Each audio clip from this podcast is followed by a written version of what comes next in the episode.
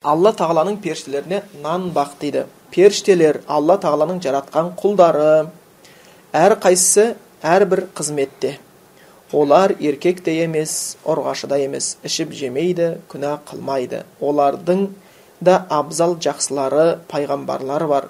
Жәбірейіл исрафил ғазраил микаил деген періштелер алла тағаланың әмірімен әртүрлі суретке кіре алады һәм көзге көрінбей кетеді. Жерде һәм деп жатқан және деген сол кезде жәнені һәм деп айтатын болған иә алла тағала оларды біздің денеміздей қылып жаратқан ондай дүние ә, ондай дүниелерді кітапта аджисам латифа деп атайды періштенің барлығына нанбайтұғын қисыны жоқ жын сайтан пер дегенге де сеніп жүр ғой адамдар пайғамбарға нансаңыз құранға нансаңыз бәрі де рас болып шығады дейді енді осы жырларды кішкене түсіндіре берейік бірінші аллах тағаланың құлдары деп келеді періштелер аллахтың құлдары иә бүкіл нәрсе рахмана абда деп келеді ғой бүкіл нәрсе аллахқа құл болып келеді олар еркек ұрғаш болып бөлінбейді иә кей кезде намақалды дұрыс қолданбайды алтын көрсе періште жолдан тайған деп кей кезде өзінің нәпсісіне жол ашып алғысы келеді кейбір адамдар енді біз пендеміз ғой періштенің өзі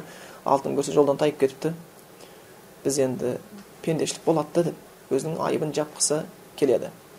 Бірақ періштеге алтын керек емес. Ол қайтсын ол. Дұрыс па? Ішпесе жемесе үй соқпаса үйленбесе балалы шағалы болмаса ол алтынды не істейді оған? Қажеті жоқ қой ешқандай. Сонда ол бір ә, алған кезде қисынсыз мақал болып қалады екен. Тек қана өз нәпсісін кәдімгі ақтап шығу үшін айтылған сөздей болып қалады. Одан кейін олардың періштелер ішінде өзінің абзалдары бар дейді. Сөйтіп бұл жерде төртеуін атап кетіп жатыр жәбірейіл исрафил ғазраил микаил деп. Бұлар шынымен де періштелер ішіндегі аттар аталған және абзалдар. Жәбірейіл және айтып отыр ғой әр періштенің өзінің қызметі бар дейді. Яғни әр періштеге өзінше қызмет тапсырылған. Жәбірейіл періштенің қызметі ол пайғамбарларға аллахтың хабарын жеткізу уахи иә уахи жеткізу болған. Исрафил деген періште бар оның міндеті сүр үрлеу сүр үрлеу сүр деген үлкен бір жаңа қарын деп қояды. Мүйізге ұқсаған нәрсе өте алып шын бейнесі аллахқа мәлім. Соны үрлейді кейбір ғалымдар оның екі үрлеуі болады дейді кейбір ғалымдар үш үрлеуі болады дейді. Үшеу үрлеу болған олар айтады нафхатул фаза бірінші үрей әкелетін үрлеу болады дейді. Одан кейін нафхату дейді өлім әкелетін үрлеу болады дейді. Одан кейін нафхатул одан қайта тірілтетін үрлеу болады дейді бірінші үрлегенде сол дауыс бүкіл әлемді шарлайды одан үрей туады ол кездегі буаз нәрсе бойындағысын тастап емшектегі еміз, еміз әрбір емізуші емізген нәрсесін ұмытып кететін күн адамдар мас сияқты көресің бірақ адамдар мас емес ол қияметтің күні зілзаласы өте ауыр күн деп келеді екінші үрленген кезде адамнан тірі жан баласы қалмайды бәрі жан тапсырады өледі үшінші қайта өрленген кезде сол адамдар қайтадан тіріліп аллахтың алдында есеп беру үшін тұрады сол үш нәрсені исрафил періште одан кейін ғазраил көбінесе әзірейіл деп келген бұл ат енді көбінесе қолданыста болған бірақ енді былай бұл әзірейіл деген атау мына исраилят деген бар шариғатта исраилят дегеніміз ислам дініне кірген еврейлердің өздерінің ілгергі кітаптарынан алып келген қиссалардың жиынтығын айтады түсіндіңіздер ғой иә оны исраилат деп қояды оған байланысты әхлі сүнда қағида құран мен сүннетке қарама сәйкес келгенін қабылдаймыз жоққа да шығармаймыз оны растамаймыз да сол күйінде келеді көбінесе әзірейіл деген атау сол исраилаттардан келген ал құранда болмаса сүннетте ол малакул маут деп аталған өлім періштесі деп аталады жан алушы ол өлім періштесі бар және өлім періштесін ауануху деп келеді өзінің көмекшілері болады көмекшілері болады. Ол адамға аллахтан бұйрық келген кезде адамның жанын алу оған бұйырылған. Бір сәт кешікпейді де ілгерілемейді. Оған тапсырған сол. Енді әзірейіл деген атты қолдану бола ма қолдануға болмай ма деген кезде сен әзірейіл деген атты қолданған кезде өлім періштесін айтып жатқан болатын болсаң онда айыбы жоқ. Айыбы жоқ. Негізгі келгені малакул маут өлім періштесі деп аталған. Микаил деген періште бар ол мына табиғатқа бұйырылған. Жаңбырдың жаууы батқанда желдің тұруы деген сияқты жердің шайқалуы осы істер микаэл періштеге тапсырылған және бір кітаптарда келеді аспаннан жаңбыр жауған кезде әрбір тамшыны бір періште ұстап түседі дейді да одан кейін періштенің саны өте көп олардың кейбірін бізге құран сүннетте жеткен хабарлар бойынша біз танып білеміз жаңағы жәбірейіл әзірейіл исрафил микаил деген сияқты болмаса жәннаттың күзетшісі болатын ридуан тозақтың күзетшісі болатын малик деген періштелер бар иә? Болмаса қабірде сұрақ қойылады деген мұнкар накир деген сияқты. Одан кейін жаңағы жатырдағы балаға жәнс үрлеп тағдырын ажалын рызқысын бақытты бақытсызын жазып кететін деген сияқты біздерге жеткен хабарлар бойынша осы періштелер айтылады. Және құранда ә, жаңағы адамның оң жағында сол жағында болатын періштелер ол қандай бір аузынан сөз шықпасын қазақта лебіз дейміз ғой сол арабтың сөзі ләфзун деген сөз. Ауыздан шыққан нәрсені айтады да шыққан нәрсе. Қазаққа сол арабтың сөзінен келген. Мә менің қаулин аузынан қандай бір сөз шығармасын? Оны жаңағы періштелер қағып алып жазып қояды. Жақсы болса оң жағына жаман болса сол жағына. Және ол періштелер дейді әртүрлі суретке ене алады дейді ол жайында да біз кей кезде сүннетте кездесеміз иә пайғамбар мұхаммед мұстафа саллаллаху кезінде жәбірейіл періште біз ол өзінің бейнесі өте алып иә оның бейнесі кәдімгідей аспанда жауып қалады бірақ олар әртүрлі суретке ене алады дейді сол жәбірейіл періште пайғамбарымыздың кезінде кәдімгі осы кітапта шәкәрім атамыз айтып жатқан нәрсе өзі пайғамбарымызда бір хадисте жинақталған иә оны жәбірейіл хадис деп қояды жәбірейіл періште сол кезде шадиду баяды сияб шадиду сауади шар деп келеді ғой сондай аппақ киімде қап қара шаш yani жас адамның бейнесінде деген сөз ғой келіп тізесін пайғамбардың тізесіне тақап отырып өз екі алақанын екі аяғына қойып отырып пайғамбарға сұрақ қойды деп келеді сонда омар жеткізген хадисте біз оны адам кейпінде көрдік деп айтады сонда біз оны періште деп ойлаған жоқпыз дейді білген жоқ біз оны адам деп ойладық бірақ та ешқайсымыз танымадық дейді да ауылдағы адам дейін десек дейді. Ешкім оны танымады дейді. Ал енді сырттан жолдан келген адам десек дейді. Оның бойында жолдан келген белгісі жоқ дейді. Келді да пайғамбарға тізесін қойып отырып ислам жайында иман жайында және ихсан жайында және қияметтің күні жайында сұрақтар қойып жауабын естіртті бұл жаңағы жәбірел періштенің міндеттерінен болып келген жаңағы ілім одан кейін жәбірел періште келіп дінді үйретті хадистің соңында келеді. Пайғамбар жаңа айтады. Жәбраил олар білмеген кезде бұл жәбірел періште етін сендерге келді дінді үйретіп кетті дейді. Дін дегеніміз сонда не болады екен? Дін дегеніміз имандағы парыздар дін дегеніміз исламдағы парыздар дін дегеніміз ихсан. Осы тақырыпты түсінсеңіз сіз діннің ішіндесіз. Негізгі көңіл бұратын исламдағы тақырыптар осылар түсіндіңіздер ғой аллаға иман келтіру періштеге иман келтіру деген сияқты осы кітаптарына пайғамбарына ақырет күніне тағдырға иман келтіру исламдағы бес парызың намаз оқуың зекет беруің ораза ұстауың қажылық қылуың деген сияқты. Одан кейін сол бар құлшылықты аллахты көріп тұрғандай болмаса аллах сені көріп тұрғандай істеуің осы дін болып есептелінеді. Бірі бір бірін атады ислам бар исламнан дәрежесі жоғары иман иманнан дәрежесі жоғары ихсан. Осы күйінде келген осы дін ә, жаңағы үйретілген одан кейін бұл жерде бұл, бұл неге дәлел қылып жатырмыз бұл кісі айтып періштелер өз көріністерін өзгерте алады дейді ол отырыста жәбірел періште адам кейпінде келіп отыр түсіндіңіздер ма адам кейпінде келіп жолықты және де біз білеміз басқа хадистерді анау соқыр таз алапеске байланысты хадис бар білесіздер иә үш адам болған кейіннен кейін екеуі шүкірлік қылмай қайтадан өз таз қалпына түсіп қазақта таз қалпыңа түс деп жатқаны содан қалған түсіндіңіздер ма сол хадистен? Таз қалпыңа түсіпсің ғой дегені. Өйткені адам бәр адам таз емес қой. Өйткені кезінде таз болған оған саған не керек деп еді? Шаш керек деді малдан не керек деп еді? Сиыр керек деді кейін беріп еді. Құдай тағаланың жолында ешқандай қызмет қылмай өзім жеттім мен кереметпін құдай берді деп айтпай қайтадан сол ондай болса өтірікші болсаң таз қалпыңа түс деді таз қалпына түсіп қалды да. Соқыр болатын болса мен кеше соқыр едім түк малым да жоқ құдай қой берді көз берді. Аллах жолында енді неге бермеске деп ол бірге сонда ол үшеуін сынаған кім еді? Періште. Періште кедей кейпінде келіп сынап кеткен. Сонда періште кей кезде ол өз кейпін өзгертуі мүмкін екенін айтып одан кейін ә, жаңағы бұл жерде енді бір ә, біздің денеміздей қылып жатқан дегенде тура адам денесі сияқты деп ойлап қалмаңыздар. Оларға дене берген деген сөз ғой. Бірақ олар денесі аджисам латифа дейді да сондай бір нәзік дене нұр сияқты дене деп келетін жерлер бар. Одан кейін періштелерге ә, неге неге басқа деп енді келтіріп жатыр ғой. Жын сайтан десе де сеніп жүр ғой адамдар дейді да домовой деп қояды анау деп қояды. Не болса соған сеніп жүреміз ал оның қасында неге періштеге иман келтірмеске егер сіз аллаға және оның елшісіне сенсеңіз онда бұған сену ешқандай қиын емес дейді.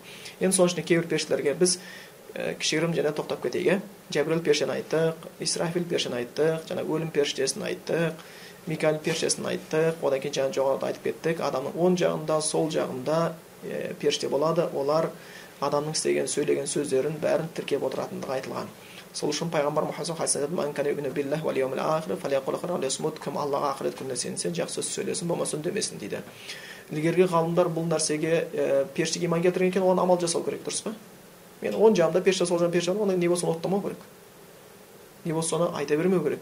Ол сөз саған ертең қуантатын сөз ба қуантпайтын сөз ба оны білу керек. Сол үшін имам ахмад мысалға өте хадисті күшті білген төрт имамның бірі артынан кейін жолы қалды масқап қалды ол кісі қатты ауырды дейді. Сонда ол кісінің қасына көңіл сұрауға барған кезде ол кісі ауырғаны соншалықты кішкене ыңырсиды ауырған кезде болады адам ыңырсиды ғой. Әнин деп келеді деп.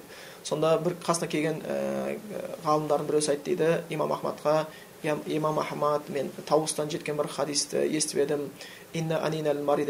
Деп.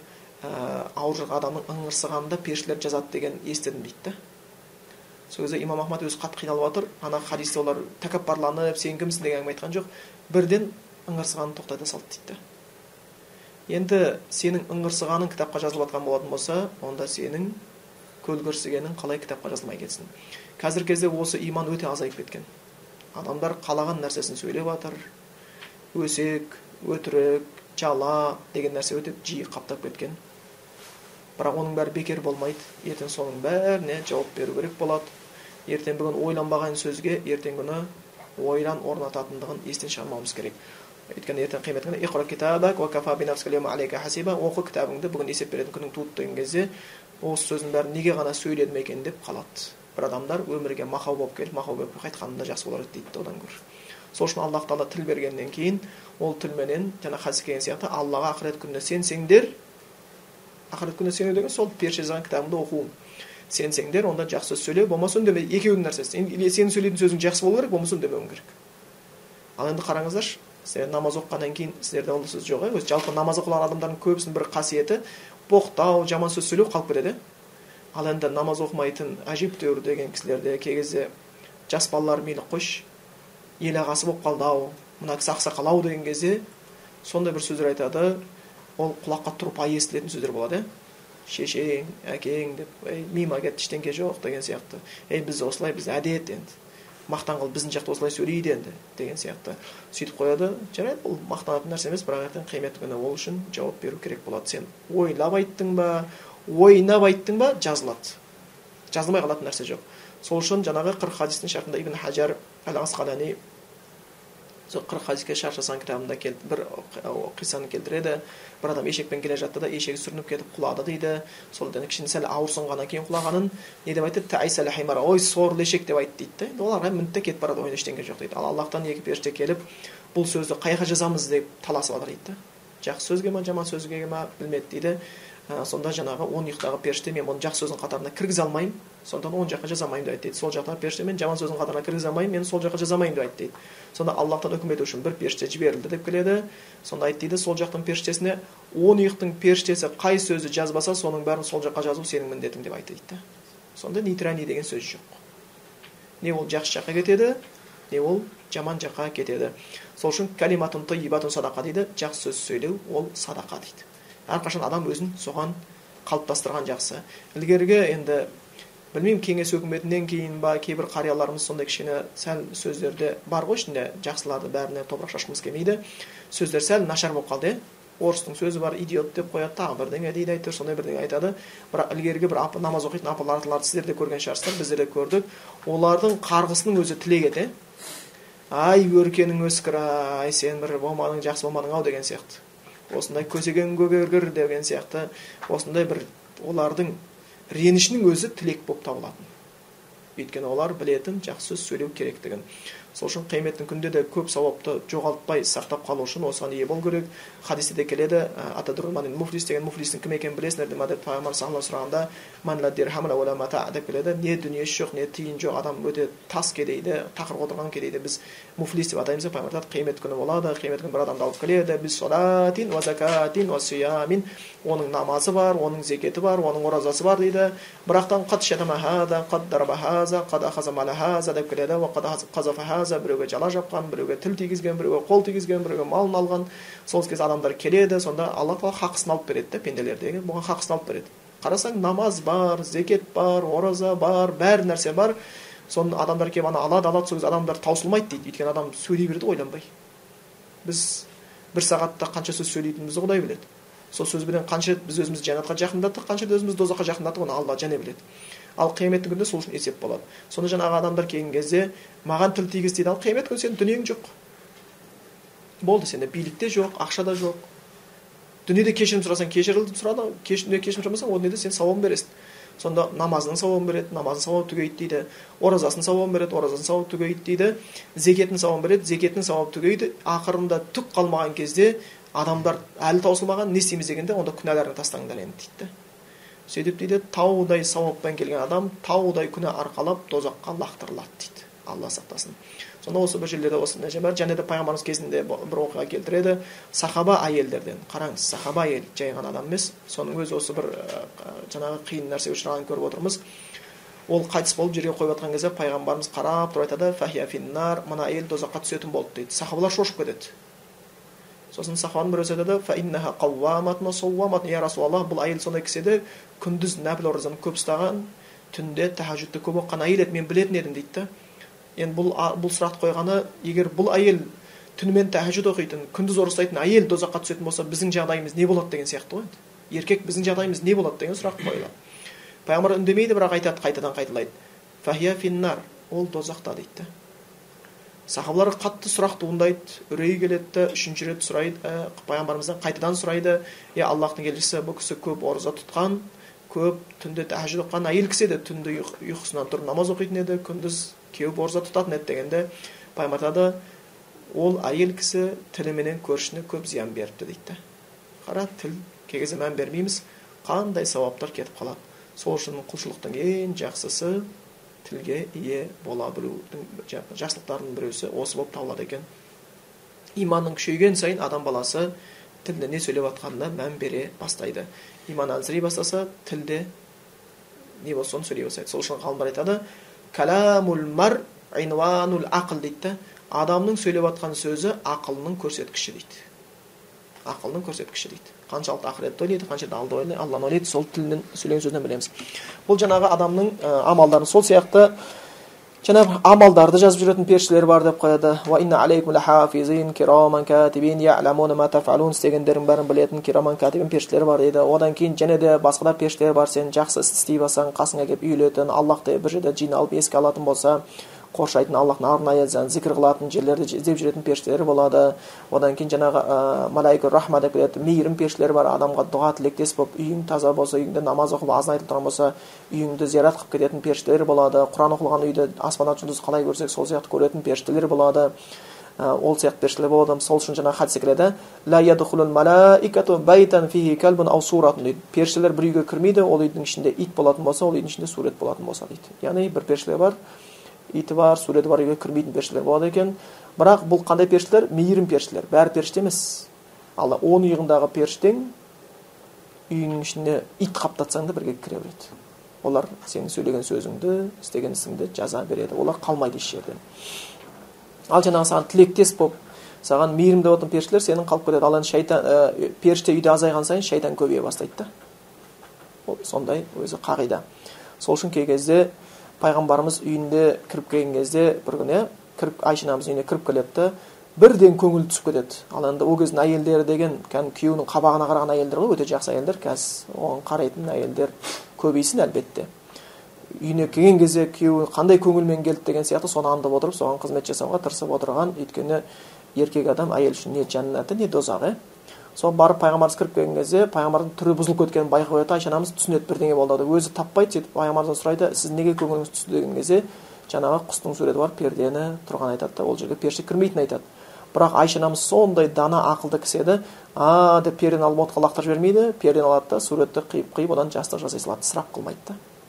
Кәдімгі былай да былай да өте зерек дана ақылды кісі болған міне сондай бір енді ақылды зерек ақылда күйеуін сыйлаған әйелдер көбейсін жәннатына жақындасын деп біз аллахтан тілейміз содан көріп отқанымыз періштелер сурет болатын болса ит болатын болса ол жерге кірмейтіндігі болып табылады екен сол сияқты қабірде сұрақ қоятын періштелер болады оны мүнкәр нәкер деп қояды қазір әнкүр мүнкір деп қоя салады ғой жайда бірақ ол жаңағы қоятын сұрақтары раббың кім дінің не сендерге келген кісі кім еді деп үш сұрақты қояды ол сұрақты қарасаң жауабы оңай сияқты раббым алла пайғамбар мұхаммед дінім ислам деп ойлайсың оны кәпірді айта салатын сияқты бірақ ол жүрекке сіңіп амалмен іске аспағаннан кейін керекті кезде тілден шықпай қалады сол үшін хадисте келген кезде оларға айт білмеймін деп бірден айтпайды олар бірінші ойланады айтқысы келеді хадис келген сияқты ха ха өте қиналу дауыстар шығады да ең соңында барып есіне түсіре алмағандығы дейді да. Біліп тұр дейді бірақ тілден шықпай жатыр. Бар ғой бізде тілім ұшында тұр деп айта алмай жатырмын деген сияқты. Сөйтеді да дейді бірақ соңында не деп кетеді хадисте? Адамдардың айтып жүретінін естидім соны мен айта салғанмын дейді да. Сонда құрайш адамдар айтып жаңағы кеше шәкәрім атаның ана бар ғой адамдардың иманы болады ата бабасы мұсылман болғаннан кейін мен мұсылман деп жүретін. Ол да иман дейді оны да мұсылман дейміз дейді бірақ ол қауіпті дейді да. Ол қауіпті дейді сол сияқты адамдар айтушы еді мен де айта салдым дейді да. Бірақ ол көмектеспей қалды да. Ол адамдар айтты деп айта салу емес оны жүрекке сіңіріп оны ақылмен қорытып оны амалға асыру керек болады екен. Ол періштелер де болады екен. Сол сияқты жәннаттың періштелері болады сол сияқты дозақтың періштелері болады. Жәннаттың періштелері жәннатқа кіргендерге сондай мейіріменен қарап ә, жаңағы жылы шыраймен қарсы алып адамдарды саламун алейкум бима сабартум деп жәннаттың есігінен қарсы алып сендерге аллахтың тыныштығы болсын сабырлық қылғандар үшін деп келеді дозақтың періштелері болады олар дегенде не деп келеді? Өте қатаң болады қатыгез болады жүректерін мейірім алған періштелер болады. Сол үшін аллах құранда не деп келеді? Аману құдайға иман келтіргендер анфусакум ахликум өздеріңді және жан ұяларыңды дозақтан сақтаңдар дейді. Оның отыны тастар мен адамдар дейді.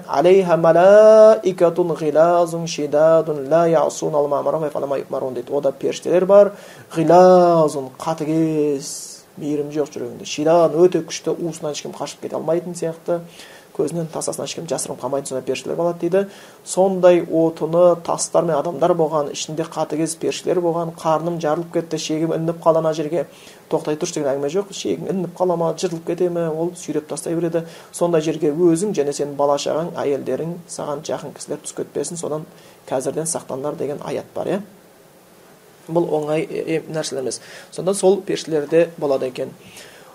Одан кейін өлім періштесі енді жақсы адамға жақсы күйде келеді сол үшін құран аятында келеді. Періштелерді сипат жан алатын періштелерді сипаттайды. Деп. Сондай опырып жұлып алатын періштелер бұны кәпірлердің жанына алатын періштелер тәпсірде келеді. Сондай байыппенен жұмсақтықпенен жан алушы періштелер бұл мұсылманның жанына алатын періштелер дейді. Адам қалай өмір сүрсе солай өледі қалай өлсе солай тіріледі. Алла құранда айтты күллі нафсин маут бүкіл адам баласы өледі деген жоқ бүкіл адам баласы өлімнің дәмін көреді деді сен мұсылманша өмір сүрген болсаң сенің өліміңнің дәмі мұсылманша болады сен күнәһар болып кәпір болып өмір сүрген болатын болсаң сен көретін өлімнің дәмі кәпірше сен өлетін дәмі күнәһарша болады екен өйткені жан алушы періштелер сол күйінде келеді жақсы адамға келген кезде жан алушы періштенің аллахтан жеткізген сәлемі ей көркем денедегі көркем рух аллахтың мейіріміне қарай шық деген сөз болады да ал егер жаман болатын болса ей лас денедегі лас рух аллахтың ашуына қарай шық дейді ол кезде жан шыққысы келмей қиналады дейді тура сол сияқты басқа жан шыққаннан кейін оны көтеріп аллахқа алып баратын періштелер болады. Аллахтың аспан есігі ашылады. Одан жаңағы жұпар иісі аңқып тұрады оған жайлы. Сондай матаға орайды жаңағы жанды көтереді. Сонау аспан жоғарыға дейін алып барады. Әр аспан өткен сайын аспан есіктері ашылады. Оған періштелер сәлем беріп бұл кім? Бұл кім? деп таңғалып мынадан керемет иіс шығып тұр. Бұл кім? деп періштелер таңғалып сұрайды дейді. Жаңа көтеріп бара жатқан періштелерден аспанда тіршілік жасаушы періштелер. Сонда бұл фулан ибн фулан пәленшенің ұлы пәленше деп әкесінің атын қосып атайды екен. Олар оған дұға тілек тілейді осылай көтеріледі екен. Аллах тағала дейді кітабын яғни жәннатқа кіретіндерге қатты аттар жазылатын кітапқа атын жазыңдар деп кейін қайтарады. Періштелер оның денесін сондай алып жерге қояды. Сондай аллахтан жақсы хабар естігеннен кейін періштелер жақсы шыраймен алып келгеннен кейін оған қабірде сұраққа жауап беру оңай болады. Ал күнәһар адамды тура сол сияқты бір періштелер өте жайсыз матаға салып денеден жаңағы жан алып шығып берсе жанын суырмағаннан кейін оны денесінен өте жағымсыз иіс шығады көтерген сайын періштелер жиіркеніп аспан періштелері бұл кім мынау не деген жаман иіс бұл қандай жаман адам бұл кім бұл кім деген кезде бұл пәленшенің ұлы пәленше деп әкесінің атын қосып сөйтіп көтереді оған аспан есігі ашылмайды дейді оның атын фисиджин күнәһарлардың аты жазылатын кітапқа жазыңдар деп жерге қайтарылғанда періштелер оны алып түспейді оны кәдімгі лақтырғандай лақтырып жібереді. Соны биіктен жан төмен түседі тура оны жел ұшырғандай құсқа қаққандай болып жерге түседі дейді. Сондай үреймен сондай қорқынышпен келген кезде оған уже қабірдегі сұраққа жауап беру қиын болмайды. Ол сол сезімдер өткеннен кейін. Одан кейін періштелердің санын бір ғана аллах тағалаға мәлім. Олар өте көп өте көп. Сол үшін хадисте келеді. Біз қазір біз қажылық кезінде тауаф қылатын қағба деген бар ибраһим пайғамбар исмаил деген баласы екеуі соққан. Аллахтың екеуіне сәлемдер болсын. Тура сол қағбаның төбесінде тұспа тұсында байтул мәмур деген бар оны адам ата кезінде соққан дейді кейін топан су кезінде көкке көтерілген дейді соны тауаф періште бар. Бір күнде жетпіс мың періште тауаф қылады ол періште одан кейін қайтадан оған келе алмайды өйткені сандары сондай көп дейді. Құранда қысқаша ол жайында аллах тағаланың періштелерінің санын одан басқа ешкім білмейді деп бізге сипаттаған.